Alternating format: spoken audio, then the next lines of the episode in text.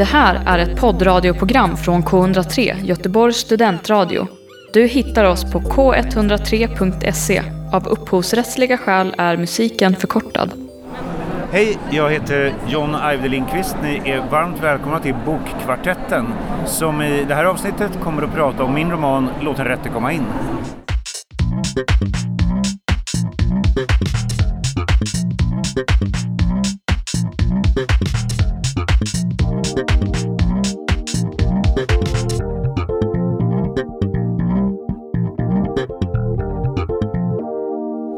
Ja, om vi börjar helt enkelt kort och gott med Lisa. Vad handlar den här boken om? Ja, det handlar då om den 12-årige pojken Oskar eh, och man kan väl beskriva honom som, ja men han är mobbad i skolan och han håller sig mycket för sig själv, eh, kan liknas vid en ensamvarg. Men det här ändras ju en dag då en medelålders man eh, vid namn Håkan och en flicka som är eh, i runt Oskars ålder som heter Eli som flyttar in, eh, in till lägenheten där han bor.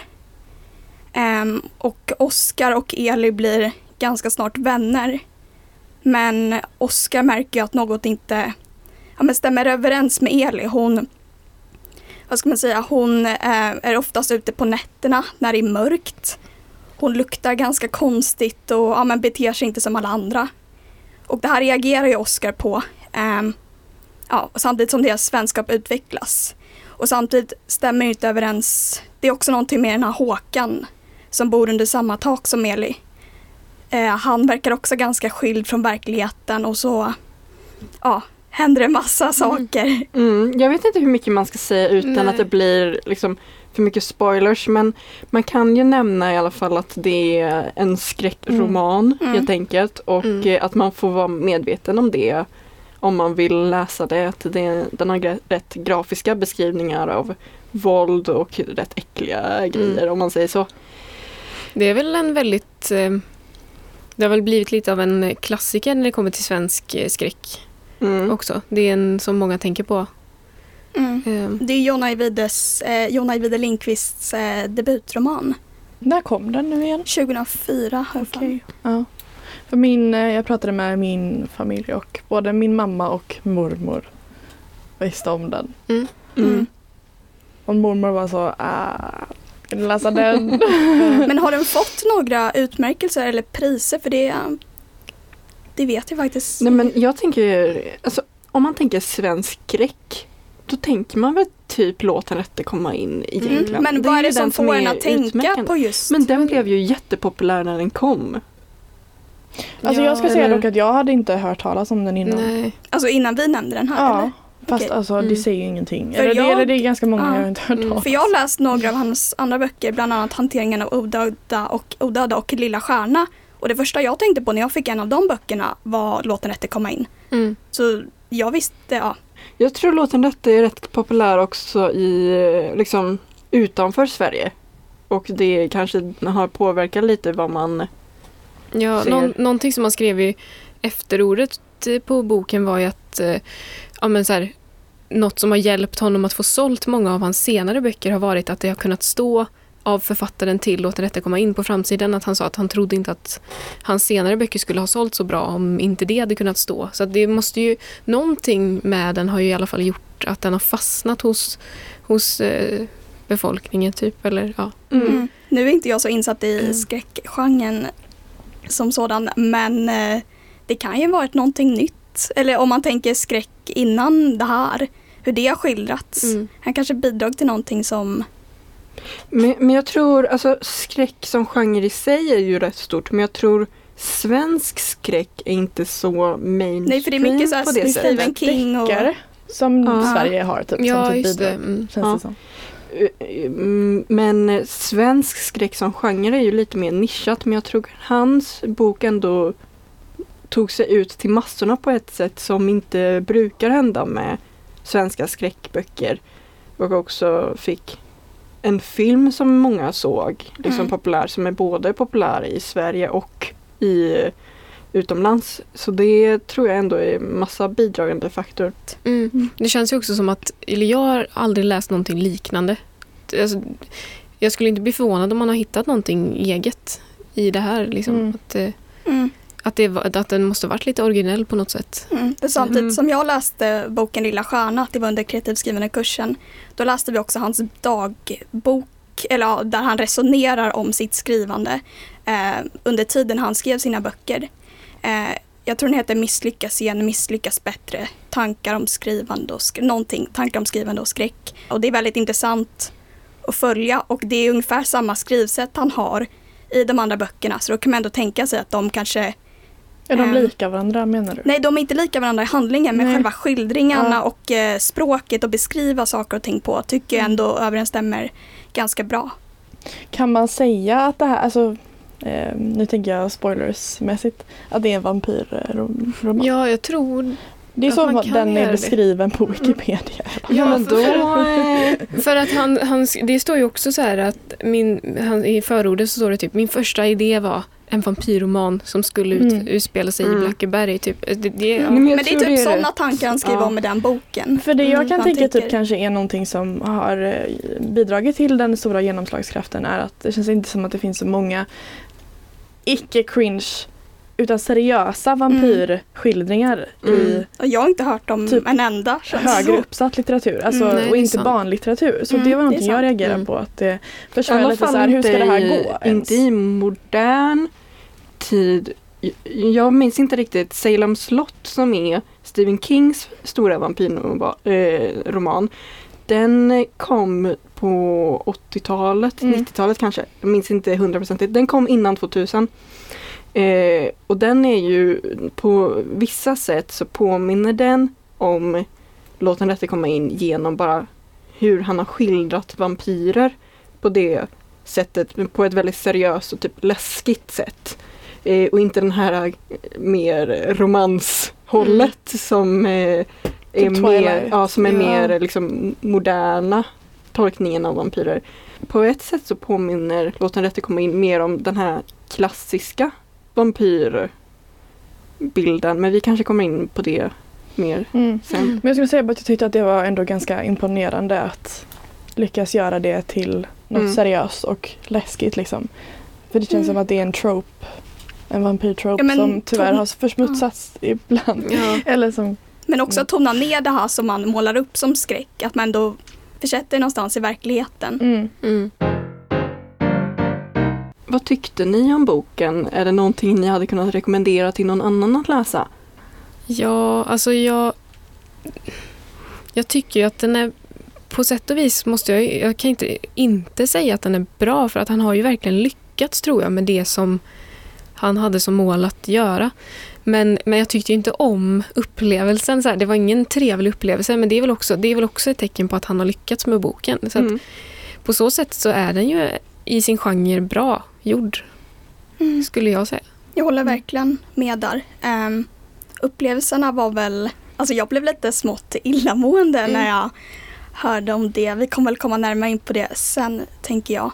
Men han har ju verkligen lyckats och jag tycker verkligen om hans, alltså nu verkligen bortsett från innehållet, men jag tycker verkligen om hans beskrivningar, hur han gör dem väldigt, väldigt detaljrika och fylliga. Eh, lite som Ia Genberg målar väldigt, eller man får en väldigt skarp och tydlig bild i huvudet och det är just det jag gillar med den här boken. Ja, tyvärr. Tyvärr. Ja, eh, jag är kanske nog den som har tyckt om boken minst. Eller jag har ju Mm. behövt hoppa över en hel del bitar för att ehm, jag, jag är också nog kanske den minst tåliga för den här genren. Eh, men det har ju varit fruktansvärt äckligt. Hemskt. Usch. Eh, så att jag vet inte, alltså hade jag rekommenderat den till någon? Ja, det är i så fall om någon är ute efter en skräckbok. Absolut. Mm. Ehm, Mm. men du får, Ja. då får du ge dig in på det själv alltså. Eller så Ja, här. jag tror att om man är någon som gillar skräck eller vill läsa skräck så är det här en bra roman. Han, det är precis som ni säger, jag kan inte tillägga så mycket mer än att han har lyckats med det han vill åstadkomma. Och jag tycker ändå skildringen av den här skräckaspekten Visst, han, på många gånger kan det, det vara liksom att han har verkligen skruvat upp det äckliga eller det här det obehagliga och sånt. Men det är också lite poängen. Så eh, ja, vad ska man säga mer än att det är ungefär som en bra skräckfilm fast i bokform. Det är en Mm. bra skräckroman Ja. helt enkelt. I början tänkte jag att man kunde rekommendera den till någon som vill ha lite höstläsning men jag tror jag inte ska göra det för man får nog vara beredd på genren i sig då. Ja, Men den är ju ganska mörk så ja. vi valde ju det här avsnittet också för att det är halloween-tiden nu. Ja. Ja, i alla fall när vi spelar in. Ja. Det här avsnittet kommer Men komma det- ut typ Ja, det är efter- Det är inte motiverat längre att vi valde det som höstläsning för jag tyckte Nej. inte det här var Nej men mer Nej. halloween, det är ju fortfarande, Det halloween-tiden är ju inte, inte Nej. över nu när Det här du kommer som ju komma hör det. ut eh, 6 november Ja. så är det ju fortfarande man kan fortfarande läsa skräck. Det är ju ändå de här Ja. mörka månaderna Ja. ute så det Ja. blir inte som att läsa Mm. den här boken på sommaren. liksom. Ja varför inte är ta den här när det redan är mörkt som det är. Ja, fast det blir ännu obehagligare. Ja. Men det är nästan perfekt på det sättet. Ja. Men då tror jag vi går över till eh, spoiler varningen. Så eh, den som inte har läst boken men som vill göra det får gå och göra det och så fortsätter vi diskussionen mer ingående nu. Vad tyckte ni om Oscar som huvudkaraktär? Nora skrattar. Ehm, nej men, eh, alltså jag, och jag, det här, jag vet inte vilka det var av er som jag sa det till men jag har ju tyckt att det varit väldigt jobbigt att läsa eller lyssna då på hela grejen med att han har varit så mobbad. Jag har nästan tyckt att det har varit värre än typ vampyr. Du menar hans utsatta Mm. Ja, Mm. jag tycker det, det, det är typ det som jag har svårast för i typ fiktion. Mm. När det är ett barn som blir mobbat. Oftast en kille också. Tycker jag Ja. känns värre på något sätt. Jag vet inte varför. Det gör liksom Mhm. ont i hela min kropp. Och jag mår liksom Mm. dåligt. Mm. Så att, eh, Alltså det är ju väldigt obehagliga scener liksom när de slår hon. Mm. Alltså det är ju Men de är väldigt så grafiska. aggressiva. Ja, Mm. så väldigt så här grafiska beskrivningar om hur de verkligen misshandlar Mm. Oscar. Och ja, men så samtidigt så fruktansvärt. tycker jag Oscar är, han är ju beskriven på ett sätt så Visst tycker man synd om honom så, det kan man ju inte bortse ifrån, men han är ju också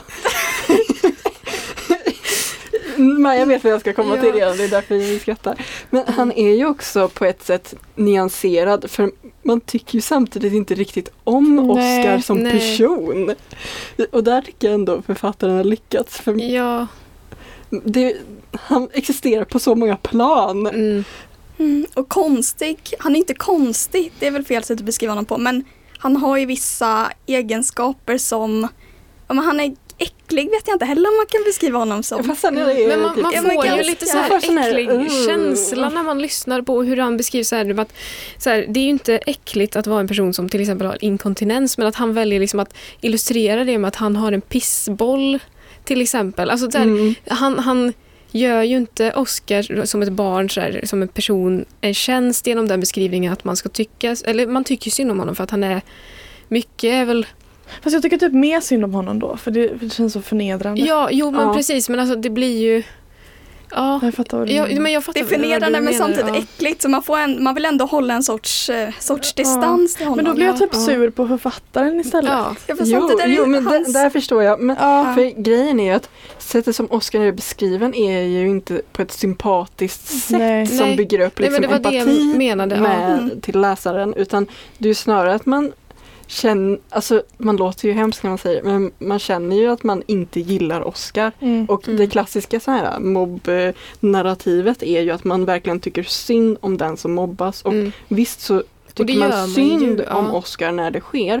Men det är också att man tycker inte om Oscar som person Nej. nödvändigtvis. Nej, för, att det, för mig är det lite så här när han går ut där och han ska hugga med knivar i träd och liksom låtsas Mm. som att det här är vad han ska göra med de här mobbarna. När han, alltså man kan ju förstå den här hämndlystenheten men samtidigt så önskar man ju att, eller det blir ju att man vill ju inte att han ska göra det heller. Nej. Gå och, och mörda dem och så går han runt och fantiserar om det. Det blir ju liksom dubbelt på något sätt att han är så himla mörk i sinnet så att man inte riktigt kan att det inte bara att man så hejar på honom liksom. Mm. Och sen Och en- även hans eh, och sen även hans klisterbok. Ja, Ja, det, han benämner som klisterbok. Ja, där, en ja. klippbok där han, eh, där han klipper ut eh, om en, nyheter och sånt. Eh, om mördare, om döden, om blod. Alltså själva allt i ett där och sen klistrar in i sin egna bok och, ha, och har det som en, lill, som en liten samling. Ungefär som att någon samlar på bokmärken eller klistermärken. Så samlar han på nyheter där någon har ja, men, blivit skuren, eh, knivskuren eller dödats. Mm, alltså i en annan i en annan genre så hade det här varit typ en seriemördares, eh, hur hur man ska kalla det, en seriemördares början typ. Ja, uppväxt. Ja, uppväxt. Mm. För man, man ser ju verkligen att Oscar, även om man tycker synd om honom, han är ju inte nödvändigtvis en bra person i Nej. sig. Han Och läser ju också ändå- väldigt mycket Ja. om det här. Ja, och det Mm. tycker jag ändå författarna verkligen har lyckats med, med att göra en Oscar till mer än bara en stereotyp. För han blir ju verkligen en tydlig karaktär och person som uppmålas och inte bara så här att det är synd om honom hela tiden. Ja, alltså jag håller med eh, om detta liksom att eh, han har inte byggts upp som en sympatisk karaktär alls Nej. liksom i boken så. Ehm, men eh, jag har ändå blivit väldigt illa berörd. Jo. Mm, ja, men Och- jag men förstår. också typ att så här, det här med att våld föder våld, att liksom det resulterar i att Oscar blir mer våldsam eller att han vill utföra hämnd och Mm. att det väcker sådana här tankar hos honom. Det känns också som en, ett sådant exempel på eh, jag tycker det är så himla obehagligt när det är barn Mm. Mm. som gör andra barn till mördare. Alltså, och det är Ja. det som händer idag. Men, Men han, ja, eh, är han läser ju också ganska panik. mycket och är insatt i det, är i sin lilla bubbla där. För jag minns en scen, det är väl ja, tidigt i boken, så kom någon polis till klassen och pratar om det här mordet som Mm. skedde dagen innan eller något. Eh, och så säger Oskar någonting, det är väl någonting med rök i lungorna eller någonting. Jag ja, det, jag, om jag minns rätt, det kan vara att de gjorde om den scenen för filmen, för jag minns det tydligare i filmen.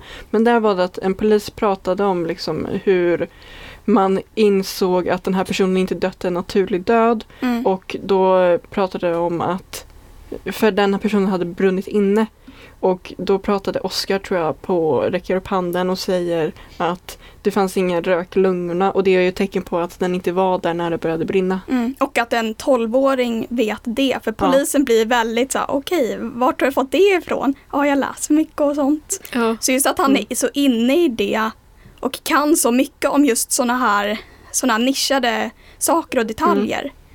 Men samtidigt mycket fokus i just den scenen, det är ju ändå hur han är rädd för mobbarna som han vet att när han räcker upp handen då har han gjort sig själv till måltavla så efteråt Mm, så kommer mm. ju de eh, klå upp honom och det är ju det som händer typ. Mm. Men vad tycker ni om de andra karaktärerna? Hur kände ni om typ Eli och Håkan? Och de, vilken karaktär står ut mest tycker ni i den här boken? Jag tycker Håkan är jävligt läbbig alltså. Ja, jo. Mm. Jag tycker Håkan som karaktär är läskigare än va- vampyren. Ja, Ja, verkligen. Ja, ja. det är sant. Men kanske också för att han är människa då. Ja. Att man Ja. tolkar det på så sätt. Mm. Eller, Men samtidigt Vad är hans motiv? Eh, ja, han vill ju ge blod till Eli. Jo, Jo, men det är ju för att han är ju, jag vet inte om man kan säga att han är förälskad, men han, nej, men han, älskar han är ju Eli. en eh, pedofil. Det är ju hans motiv. Mm. Att, Att om han hjälper Eli så kanske han eh, Ja. får vara med henne. Liksom. ja, kärlek Ja. inom citationstecken, det är ju inte riktigt... Mm.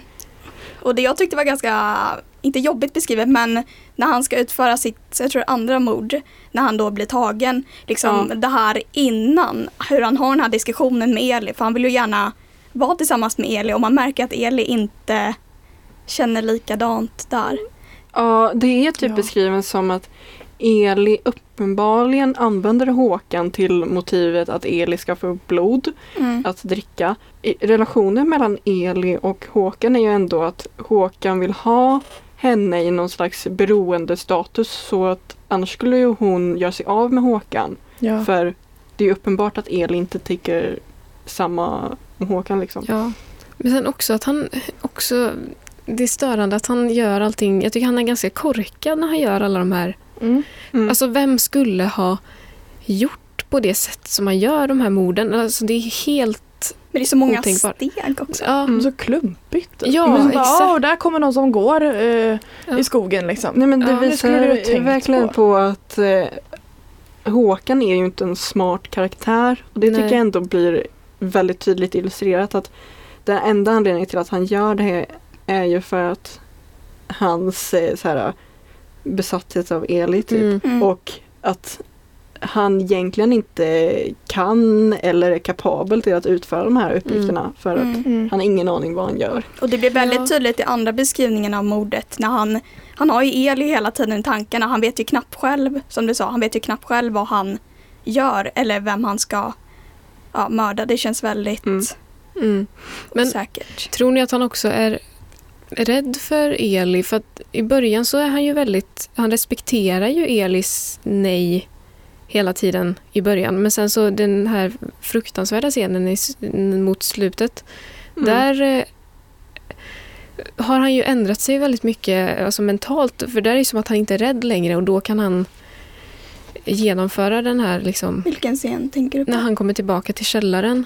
Ja, men vid det laget är ju Håkan inte riktigt Håkan längre utan Nej. det är ju mer eh, typ ett skal med ett monster i. Ja, Som, men, men tror ni att, eller alltså att han har ingen personlighet kvar då? Liksom? nej, men jag tror ändå det finns en del av hans personlighet kvar men att det är snarare de delarna som drev Håkan som är starkast. ja. Och då är det väl ändå besattheten av Eli som är mm, det som är överskuggar allting annat och då eh, är det därför han gör det han gör där. mm. För att han, i början så känns han ju också lite mesig. Alltså Ja, på något sätt.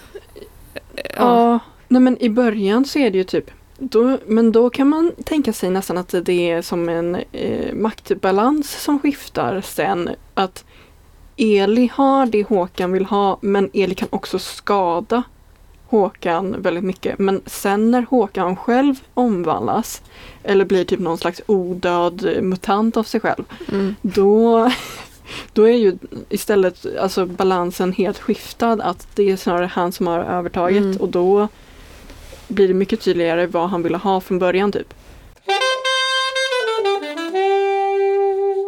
Jag har ju hoppat över en del delar.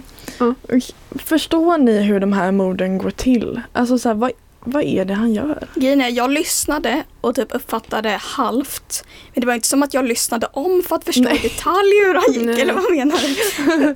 Men han söver ju folk med den här Ja, ämnet. Han försöker ju söva, det är ju som att sätta den här klassiska trasan över ansiktet med Ja. ett eh, liksom ämne på som, som man svin, svimmar.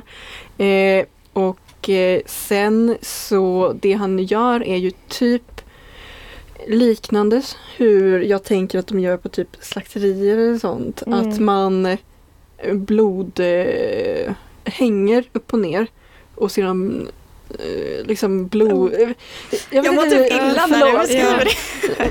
Ja men alltså en Nej, eh, men och sen- avblodning. Ja, Mm. och sen ja. Mm. Han tömmer ju kropparna på blod, Mm. det är ju det han vill och då det lättaste sättet att göra det är ju via halspulsådern enligt boken. Jag vet inte, jag är inte expert på det här. Nej. Men det är så han gör det.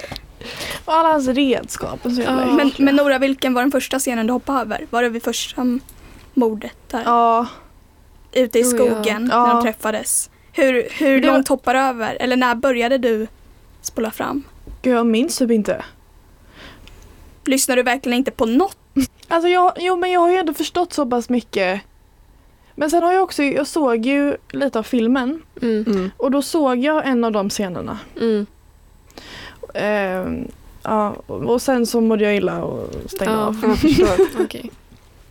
Men Ja. sättet som gör det i filmen också, det är alltså, man ser verkligen hur töntig Håkan är i Ja. filmen när han ska begå första mordet. Mm.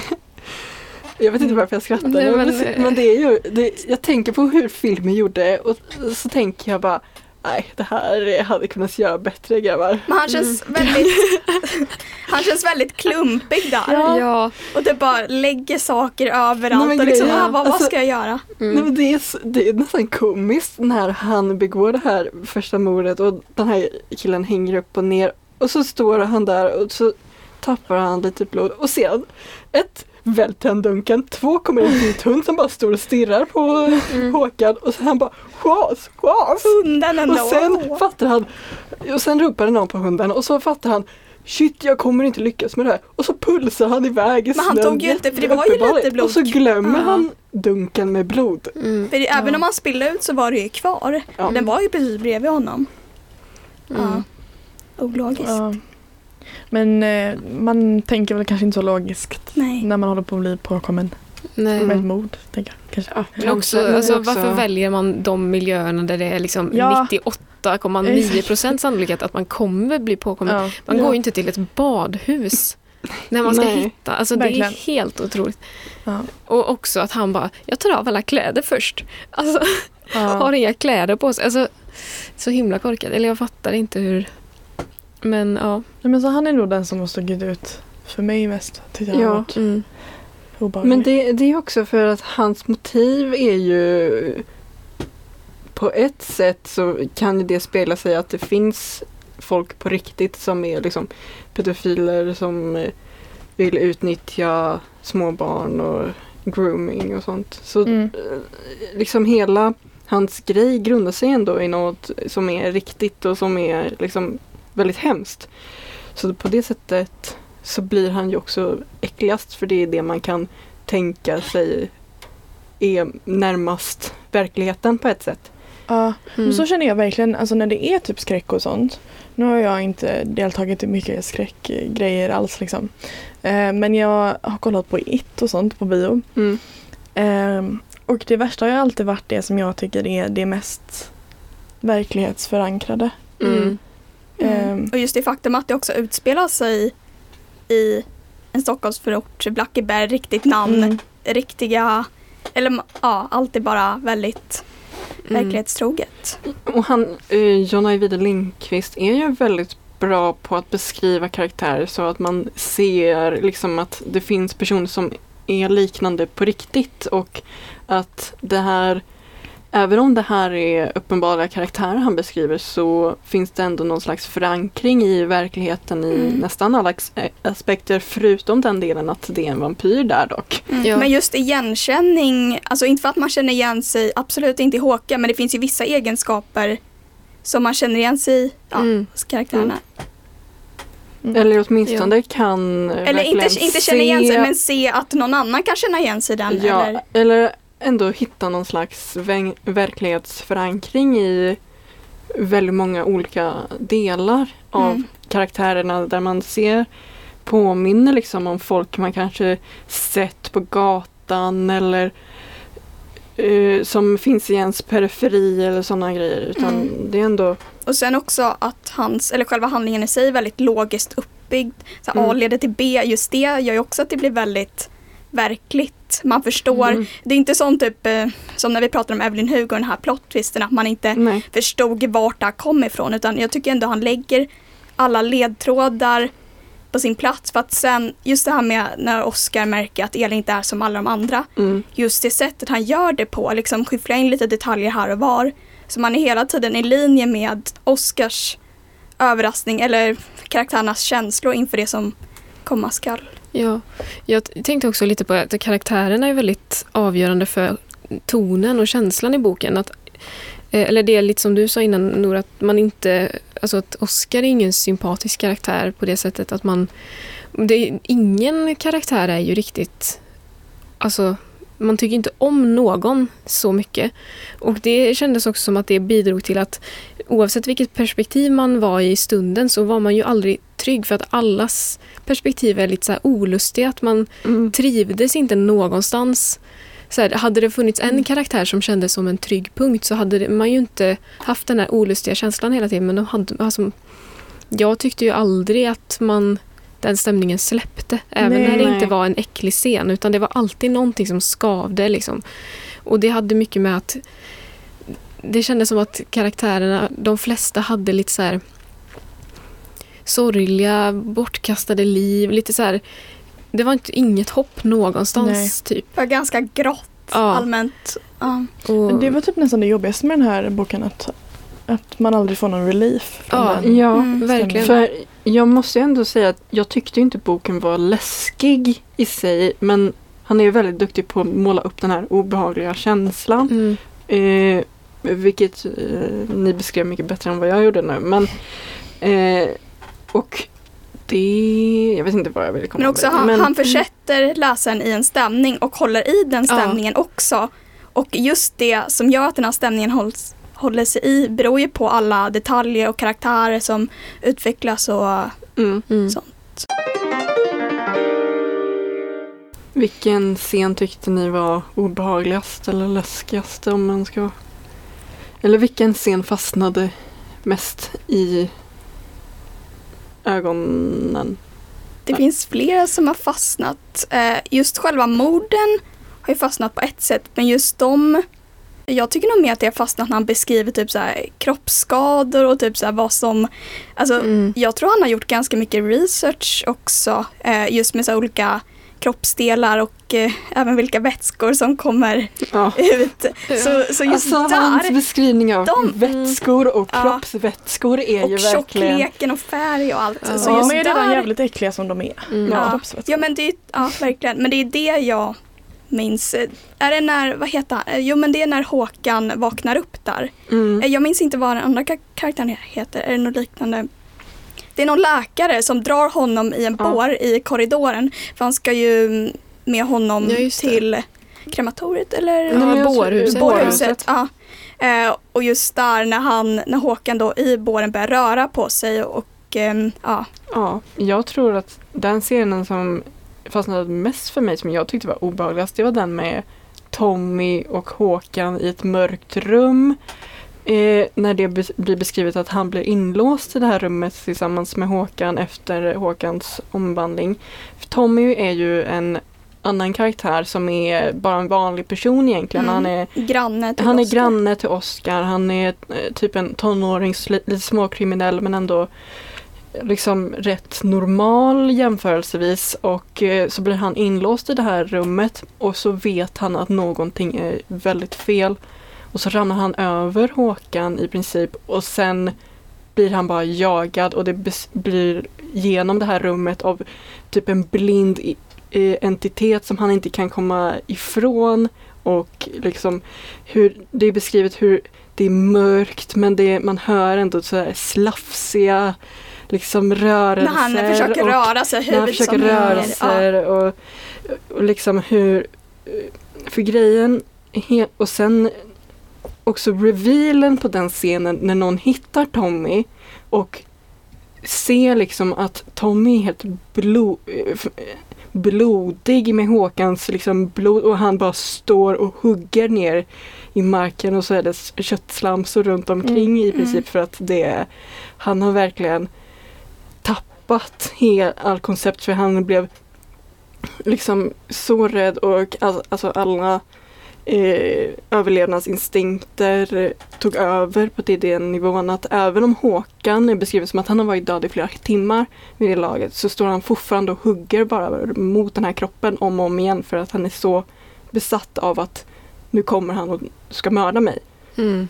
Alltså, men det som hände precis innan, alltså scenen med Håkan och Mm. Eli där, tycker jag nästan är värre. Alltså när de beskriver hur Ja. Håkan behandlar Elis eh, kropp. Alltså det Mm. tycker jag var helt Nej, men, sjukt. Alltså, och så kommer de två liksom mot Ja. varandra och det är verkligen bara ja, för man Alltså- trodde ju liksom att det precis var över och så, Mm. så fattar man att han blev inlåst med Tommy. Man bara, nej, inte en gång Ja. till. Alltså, Ja. eh, ja.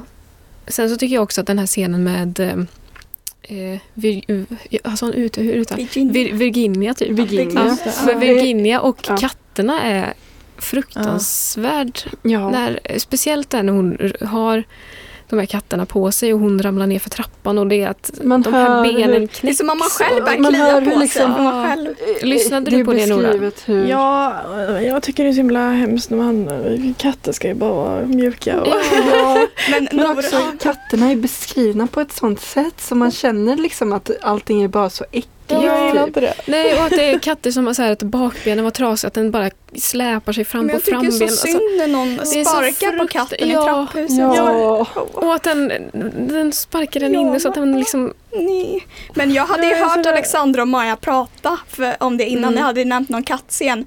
Och den kom ju väldigt sent i boken. Så jag var inte beredd på det sättet. Men man kunde ana lite grann. Mm. Ja, verkligen inte i sin fulla utsträckning. Men Men också den scenen när eh, Eli eh, vill att Oskar ska bjuda in henne till, sitt, till, till Mm. sin lägenhet och han bara, vad händer om, om jag inte bjud- bjuder in dig? Ja. Och så hon bara, ska, jag ska visa. Eh, och hon går in och så börjar liksom blöda från alla så här, Mm. porer och allting. Då Mm. åkte jag spårvagn och jag, kan, jag gillar inte blod eller så här, det är, ja. Jag började typ bli så här yr och så stod jag och så här, Mm. böjde mig framåt på spårvagnen så tänkte jag så här, folk kommer ju inte, de kommer undra vad det här är liksom. Ja. som håller på ske. Stackarn. Men du fortsatte lyssna? Ja men jag tänkte, eller jag typ tänkte, ja jag gjorde väl det. Men Nej, Mm. stark. Men en annan Mm. sak, jag tror att jag berättade den för Alexandra och Maja innan, eh, när Eli är så, hon söker verkligen efter blod och vill ha det nu. mm, Så knackar hon på och sen kvinna Ja. och frågar om hon får Ja, låna hem telefonen. Det- Åh, mm. Nu påminner jag er igen. Nej, men hon knackar på hos en kvinna. Oj vad ni ser plågade ut. Alltså, den, den scenen är ju typ upp där Ja, med ja, bland de värsta beskrivningarna. Ja. För det beskriver bara hur sjuk den här kvinnan är och hur äcklig Hon- sjukdom och att alltså hela att hennes hud är, Mm, håller på att bara verkligen. smälta bort. Ja, typ. men Eli vill i alla fall låna. Eli vill ju låna hem telefonen där. Och sen så biter Eli henne i nacken. Hon märker att hon får blod i sig men sen när hon börjar reflektera så här, åh det här blodet är inte som det andra eller som Nej, för hon det- tänker ju liksom Ja, det här blodet är full av smärtstillande Mm, och och hon cancer känner det- och känner sjukdomen genom sig. Och man bara "Ugh." ja, och och att blodet det inte hög. smakar likadant och man känner det typ i munnen. Ja, och så att hon, hon själv blir hög på den kvinnans morfin och Ja. så här. Fruktansvärt. Han är ju bra på att beskriva Ja. äckliga grejer får Men man det, ge honom. det är ju också så här att, att det, är inte, det är inga så korta scener. Nej. Det är bara fortsätter. Utan att liksom att man verkligen behöver liksom Men han har ändå placerat dem på rätt dem. plats. När man tror att det typ inte är över med sådana här beskrivningar så är ändå att, eh, ja men en beskrivning, Oskar går till skolan, någonting händer här, han går hem igen, eh, pratar med sin mamma och sen, alltså det är ändå att han just ändå får med sådana här verklighetsbeskrivningar och sånt emellan. Mm. Gör ju de här, eller han by- som en sorts upptrappning, han bygger ändå upp det väldigt bra. Och placerar ut dem på rätt ställen, det vill säga de kommer inte alldeles för nära varandra heller. Nej. Nej. Men det är också det som gör att man undrar liksom var det kommer ifrån, att det finns något behov i honom att skriva det här. Alltså man undrar verkligen liksom. Jag, jag tyckte om när du, du jag pratade om det här och du skrev Jag undrar vad hans fru tänker efter att ha Men läst den här Skriver boken. hans fru, nej för hans fru brukar korrlas eller någonting. Jag, Ja. jag har ingen aning men jag tänkte bara när du sa det på det sättet jag bara Jag undrar vad hon tänker när hon Ja. läser det här om vad han är för person. Ja. Verkligen. Men just i Fast hans... Nu får, ja. Ni får inte bli anklagade för förtal här. Nej, Nej, men nej, just- men, jag, Han- jag han säger behöver inte att det är lite, någonting konstigt kanske. med, men jag tänker att jag tycker bara det är så bara det krävs ju en viss typ av människa för att skriva det också. Han behöver ju inte vara sån Nej. för, för det men man behöver ju en viss fantasi. Verkligen Absolut. dra det till sin spets. Men det är just det man får läsa om i hans dagbok. Vad han, typ, vad han lyssnar på för musik, vad han ser för filmer, hur han tänker, vad han hämtar inspiration ifrån och sånt. Eh, och han är ju verkligen nedgrottad i det här.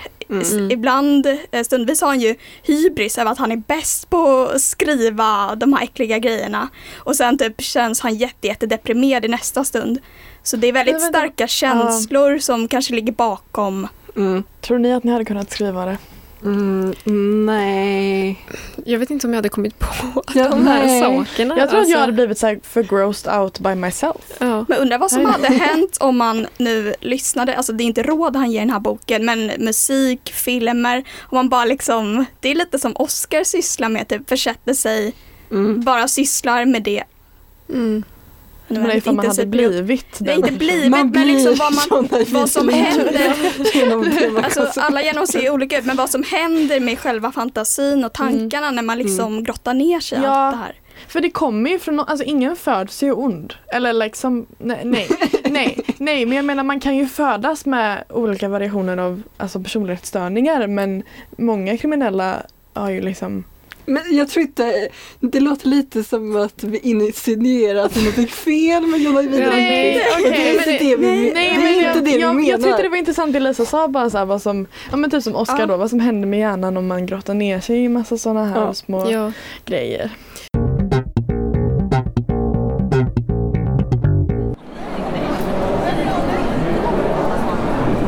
Ja, eh, du skriver ju skräck. Eh, Var, var hämtar du allting ifrån? Oj, nej men jag hittar bara på. Jag får, jag får bilder eh, som jag sen väver en historia kring. För mig så är det som att jag har ett gäng väldigt starka bilder. Så för mig är det, det som att jag har ett antal tavlor. Och att skriva en bok det är som att bygga ett hus där jag kan hänga upp de här tavlorna. De här ursprungsbilderna jag har.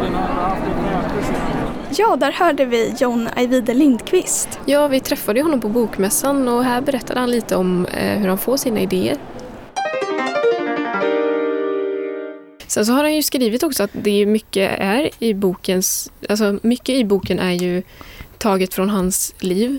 Och då tänker jag att det kan inte vara så mycket annat än barndomsskildringen, att han Ja. måste ju Alltså det, det, jag tolkar ju det som att han relaterar till Oscar på vissa sätt. Mm. För att det, det finns inte så många andra delar som skulle kunna vara taget från verkligheten. Man Nej, hoppas och ju jag inte det alla tror också, alltså skildringarna av Blackeberg, om jag minns rätt så är Mm. han ju därifrån. Ja. Och det är ju också taget från honom då och liksom hur kanske han minns den platsen tänker jag. Mm. Men sen har jag aldrig varit där så jag har Mm. ingen aning. Jag tror jag är. har varit där en eller två gånger, jag vet inte Mm. om jag, en eller två gånger. Men eh, han, om man tänker platsen, tycker ni han ger platsen rättvisa? Det spelas ju på 1980, 1981. Men jag tycker, alltså jag tror han tidsmarkerade något sätt genom att nämna året någon gång. Men på ett sätt så är det här en rätt tidlös historia. Det hade kunnat vara typ när som helst innan internet, tycker jag. Ja. Mer eller mindre. Eh, men eh, det är ju angivet att det är 80-talet. Men Mm, det är någon händelse i tidningen, alltså, det är någon Ja. stor Mm. Grej som Det är. Rysslandsspionerna, så var, tror Ja, jag de det, nämner. ja. Att det är liksom ubåts... eh, Just det, ubåtsgrejen är det. Ja. Mm. Ja men annars är den ganska tidlös, Mm. verkligen. Kanske dock i filmen att man märker att den är lite mer, inte just Ja. 80-tal, men den är gammal. Eller Mm. ja, filmen är inte gammal men att den ska utspela sig Mm. långt innan. När kom film? 2009 va? Åtta? ja, något sånt. Runt där. När insåg ni att Eli var vampyr eller var det? Du, Maja såg ju filmen Ja, innan så du visste visste ju, ju. ja. Men Jag visste också, du visste också? för vi har pratat om den här Ja, boken. för jag läste ju om boken innan. Ja. Så jag tror jag förstod direkt upp. ja. Mm. För jag kände också det. För, men när du sa typ För när Lisa sa med man förstår samtidigt som Oscar Då kände jag ändå Jag hade fattat för länge sedan Ja, att hon jo. var vampyr. Ja men om man Men du tänker, sa väl att man förstod innan? ja, Ja, men man eller du- förstår innan eller ungefär samtidigt som Oscar men det är om man inte alls hade hört någonting. Ja, det Ja, var liksom jag man förstår. så. Ja. Nej, men- för, för- jag visste ju ens redan när jag hörde Eh, boken. Jag måste ändå säga att jag inte visste så mycket om låten Rätt att komma in innan jag läste. Men jag vet rätt mycket om vampyrer. Mm. Eh, så på det sättet så kunde jag fatta rätt snabbt Ja. att ja, det här är... Eller okej, Om- kanske inte så sent som Oscar men i alla fall, jag hade inte fattat. Eller det är så svårt att tänka sig eftersom Men man jag själv tror inte... att det beror på vad ens förkunskaper är. Men ja men i jag, alla fall de första gångerna hon vill ha blod, då fattar man ju, men kanske inte första gången. Tror ni Fast det? vem jag hade fattat, blod? Ja. jag kände ändå att jag fattade mer eller mindre direkt när Eli introduceras med det Alltså här. innan hon ens har alltså, bitit någon eller Ja, innan hon har sig blod. bitit någon. Eh, Men vad är det här för med- kännetecken av vampyrer som du är specialist på? Liksom, som du Mm. kunde se? Nej men, eh, alltså jag, jag kunde ju inte riktigt bekräfta det innan det liksom. Men vid det första mordet och det är beskrivet att han var ute efter blod. Alltså det är ju väldigt tydligt att beskrivet att han, Håkan, var ute efter blodet och den här kroppen var tömd på blod. Jag vet inte, det är bara, kanske bara jag som direkt bara ah, Nej men vampyr. jag... Men, men Jag ge- tror inte när jag du sa det här med bekräftat, för jag får ju också en känsla av det. Nu Mm. visste jag det innan.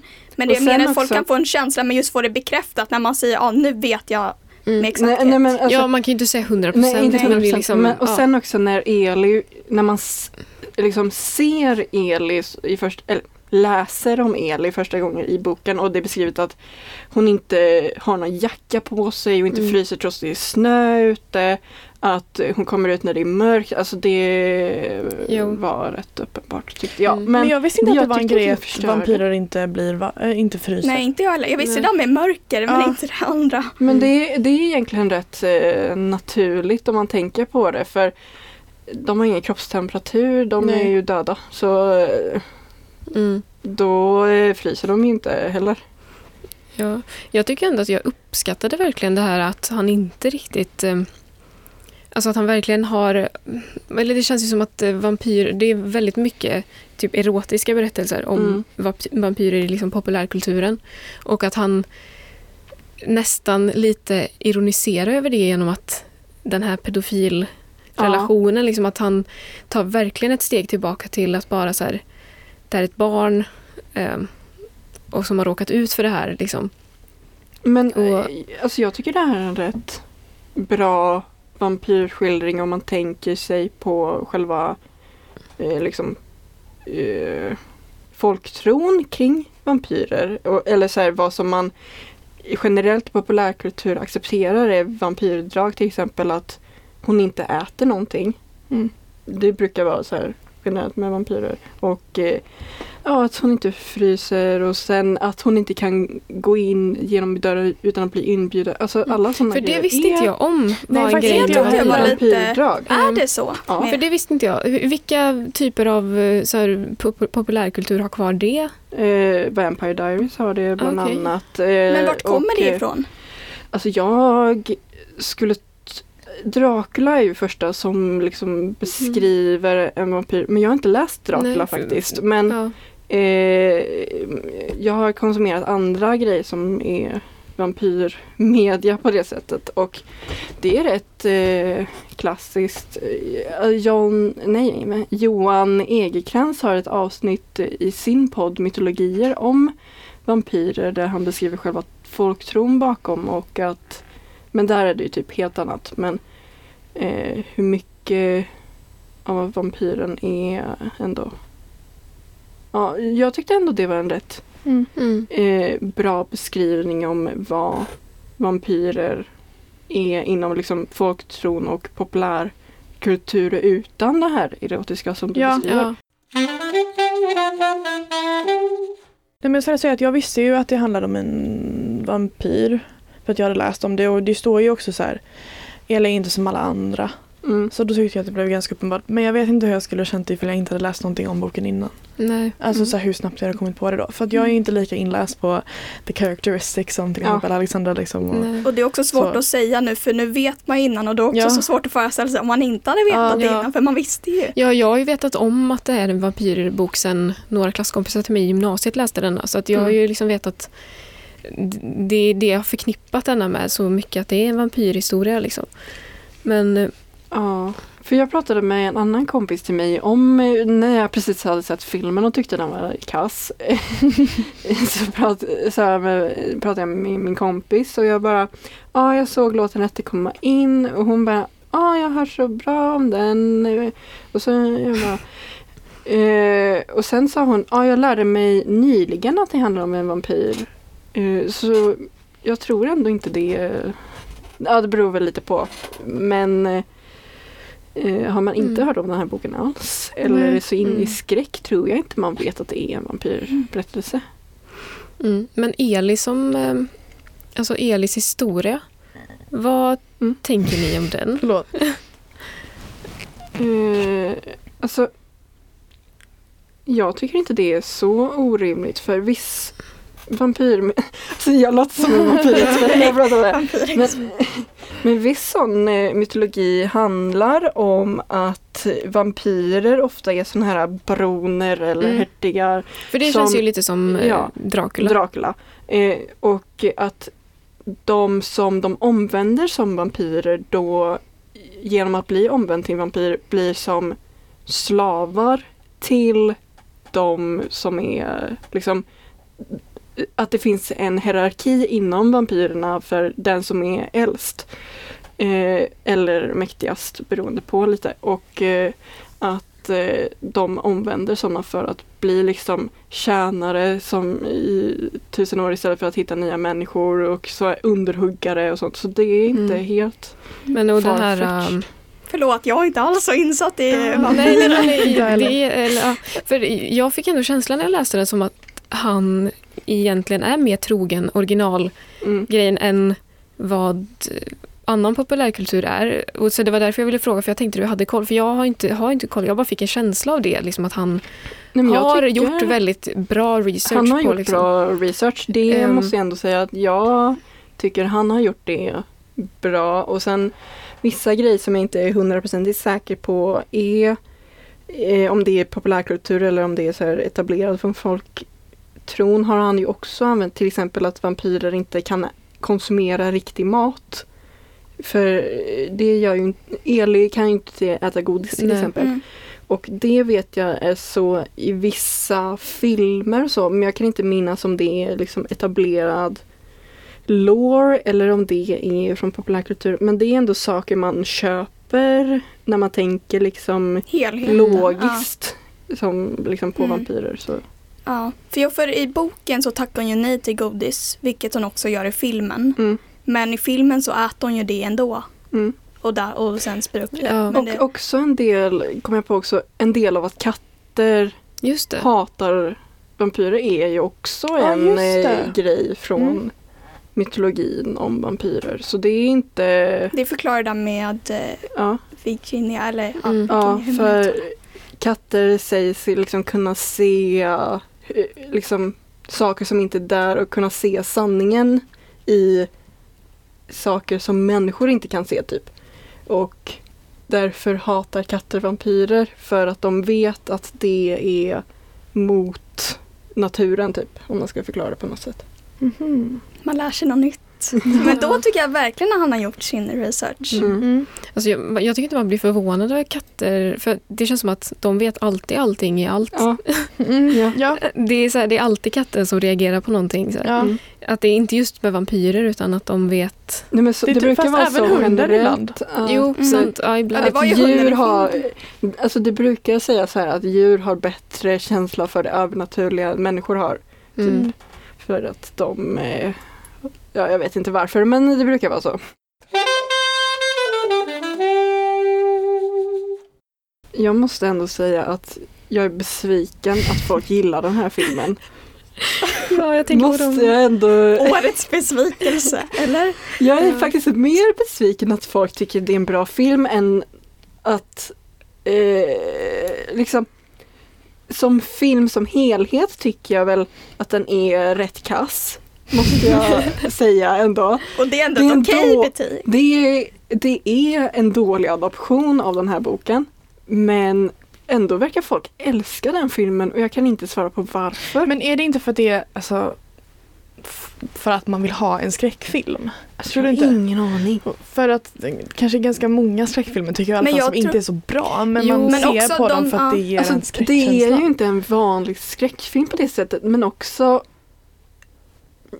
det är inte en särskilt bra skräckfilm om man ska döma den som en Nej, skräckfilm. för de har ju tagit bort alla bra. de eh, Läskigt. värsta scenerna. Ja men samtidigt, borta. de som säger att det är en bra film, de kanske inte heller har läst boken. Nej. Nu har ju vi Nej. läst boken ganska slaviskt och tänkt ut ja, tänkt de här scenerna och minns även repliker och sen när det inte Mm. dyker upp i filmen så Mm. tänker man, ah, de har inte gjort Men det kanske är efter bara boken. att efter jag läst boken och sedan kollade på filmen så tyckte jag att filmen var så tam. Ja, men så den är- mjäkig.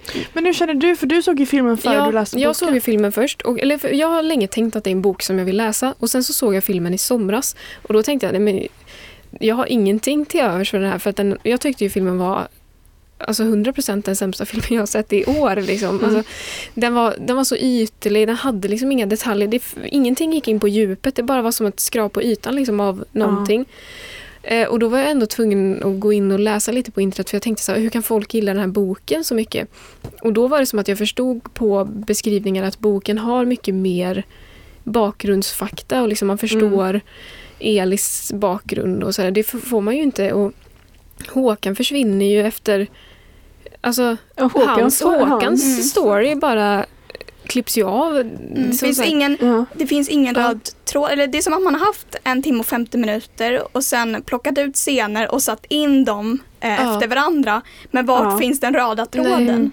Och det utforskas ju nästan, nästan inte alls det med pedofilaspekten av Nej. deras... eh, Men jag tror kanske samtidigt, ju mer jag tänker på det, desto mer känner jag bara, de hade inte budgeten till att göra den Ja. delen på ett sätt som hade varit bekvämt för skådespelarna tror jag. Nej. Mm. Och eh, då Men han tror hade, jag det är han hade bäst ju, de hade kunnat ha kvar dialogen där han säger att han älskar... Kan vi, Jo, så här- jo, det hade, alltså Men det hade väl också blivit mer. Men ytligt, ja. tänker jag. Alltså det hade inte gett någon skillnad Mm. för filmen som Men- helhet. Nej, men jag, jag är i alla fall väldigt glad att jag inte nöjde mig med att se filmen utan att jag faktiskt har läst boken. För det känns som att eh, jag upps- ja, jag, den verkligen, alltså man uppskattar ju ändå Jag uppskattar ju boken för att den finns. Alltså så här, jag tycker Ja. ju Jag är ändå glad att jag har läst den för att den Ja, men filmen var ju mm, Och Oscar i filmen.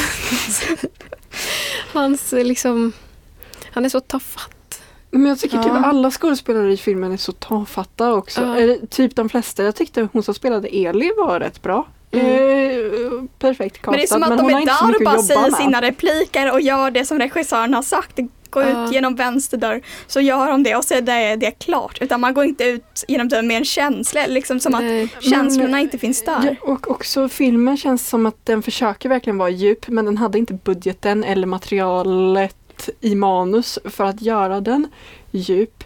Till exempel det finns en scen som bara fick mig typ att skratta och det är en scen när typ Oscar ska bli slagen med en pinne och så ser man, nu ska jag ställa mig upp för att För illustrera. den scenen var ju ganska Ja, för brutal i boken. För du berättade, du Ja. berättade det här för mig innan jag ens hade sett filmen. Och jag bara okej, ja, jag förstod halvt. För jag bara, Ja, och det. det som händer är att så här att mobbarna bakifrån tar tag i Oscar och håller för eh, liksom halsen och eh, i struptag. Och sen så ser man hur de, de har klippt på ett sätt så att man inte ser Oscar bli slagen.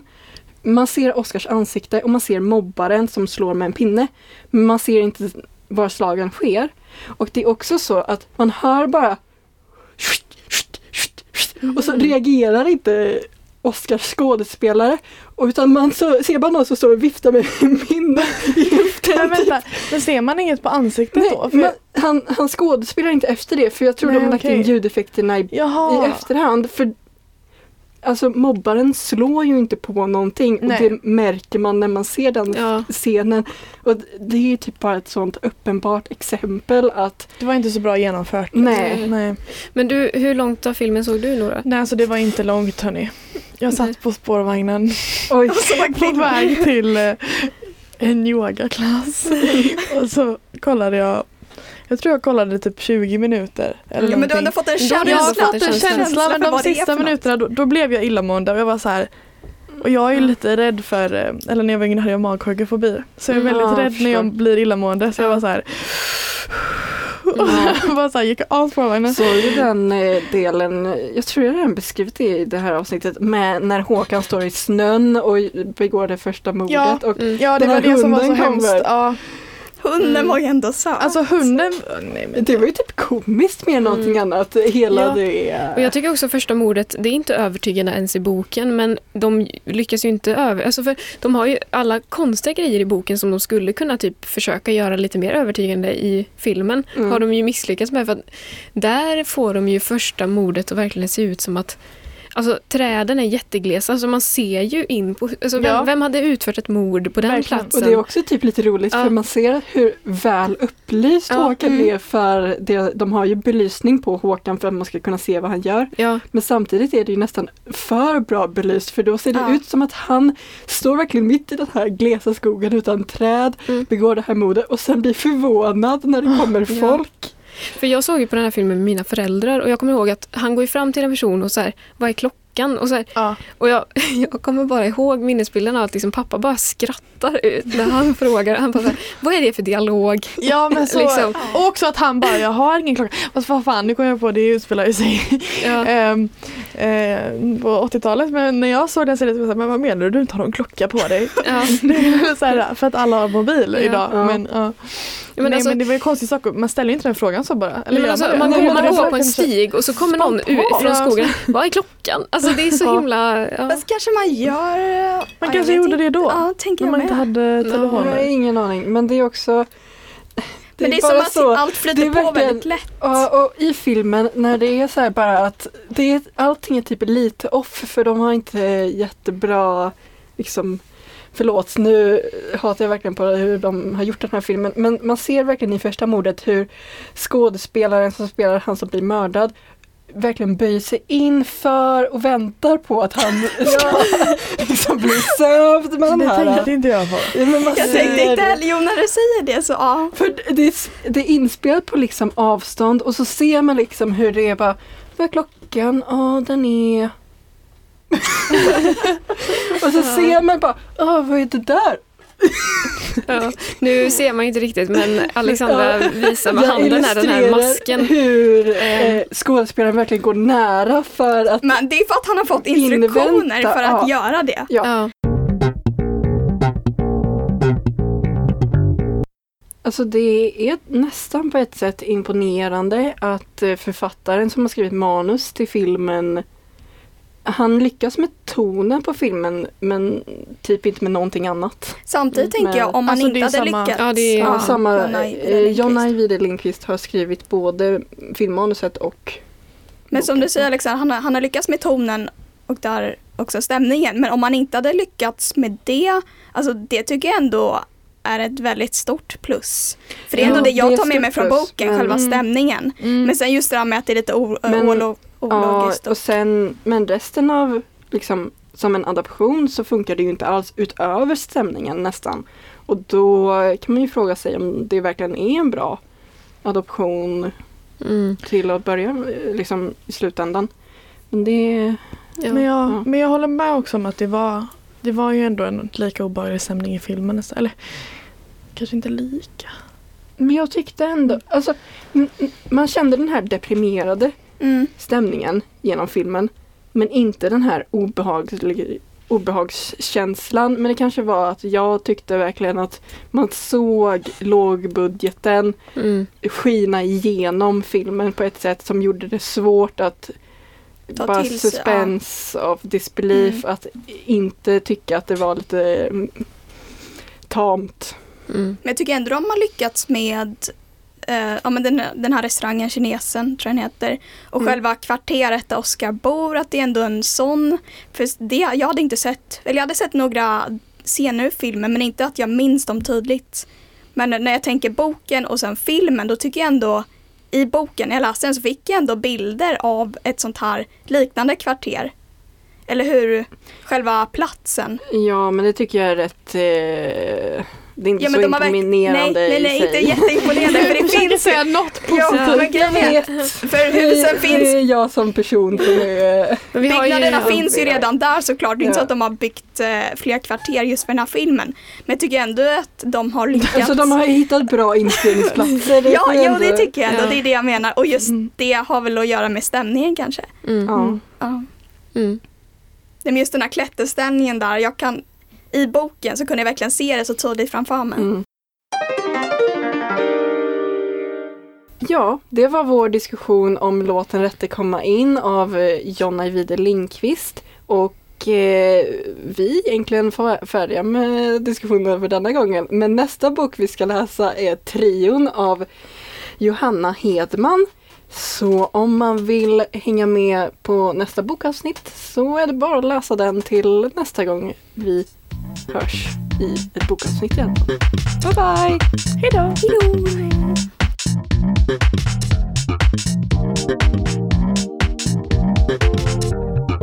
Men jag ska bara säga, det, det, här kanske, det här tar vi inte med, men jag bara tänkte på om filmen. De här kommentarerna du skickade till mig som folk Ja. hade kommenterat. Ja. Det var någon som hade skrivit så här: This is the greatest love, love story in... Eller vad? Of all time Ja. tror jag det var något.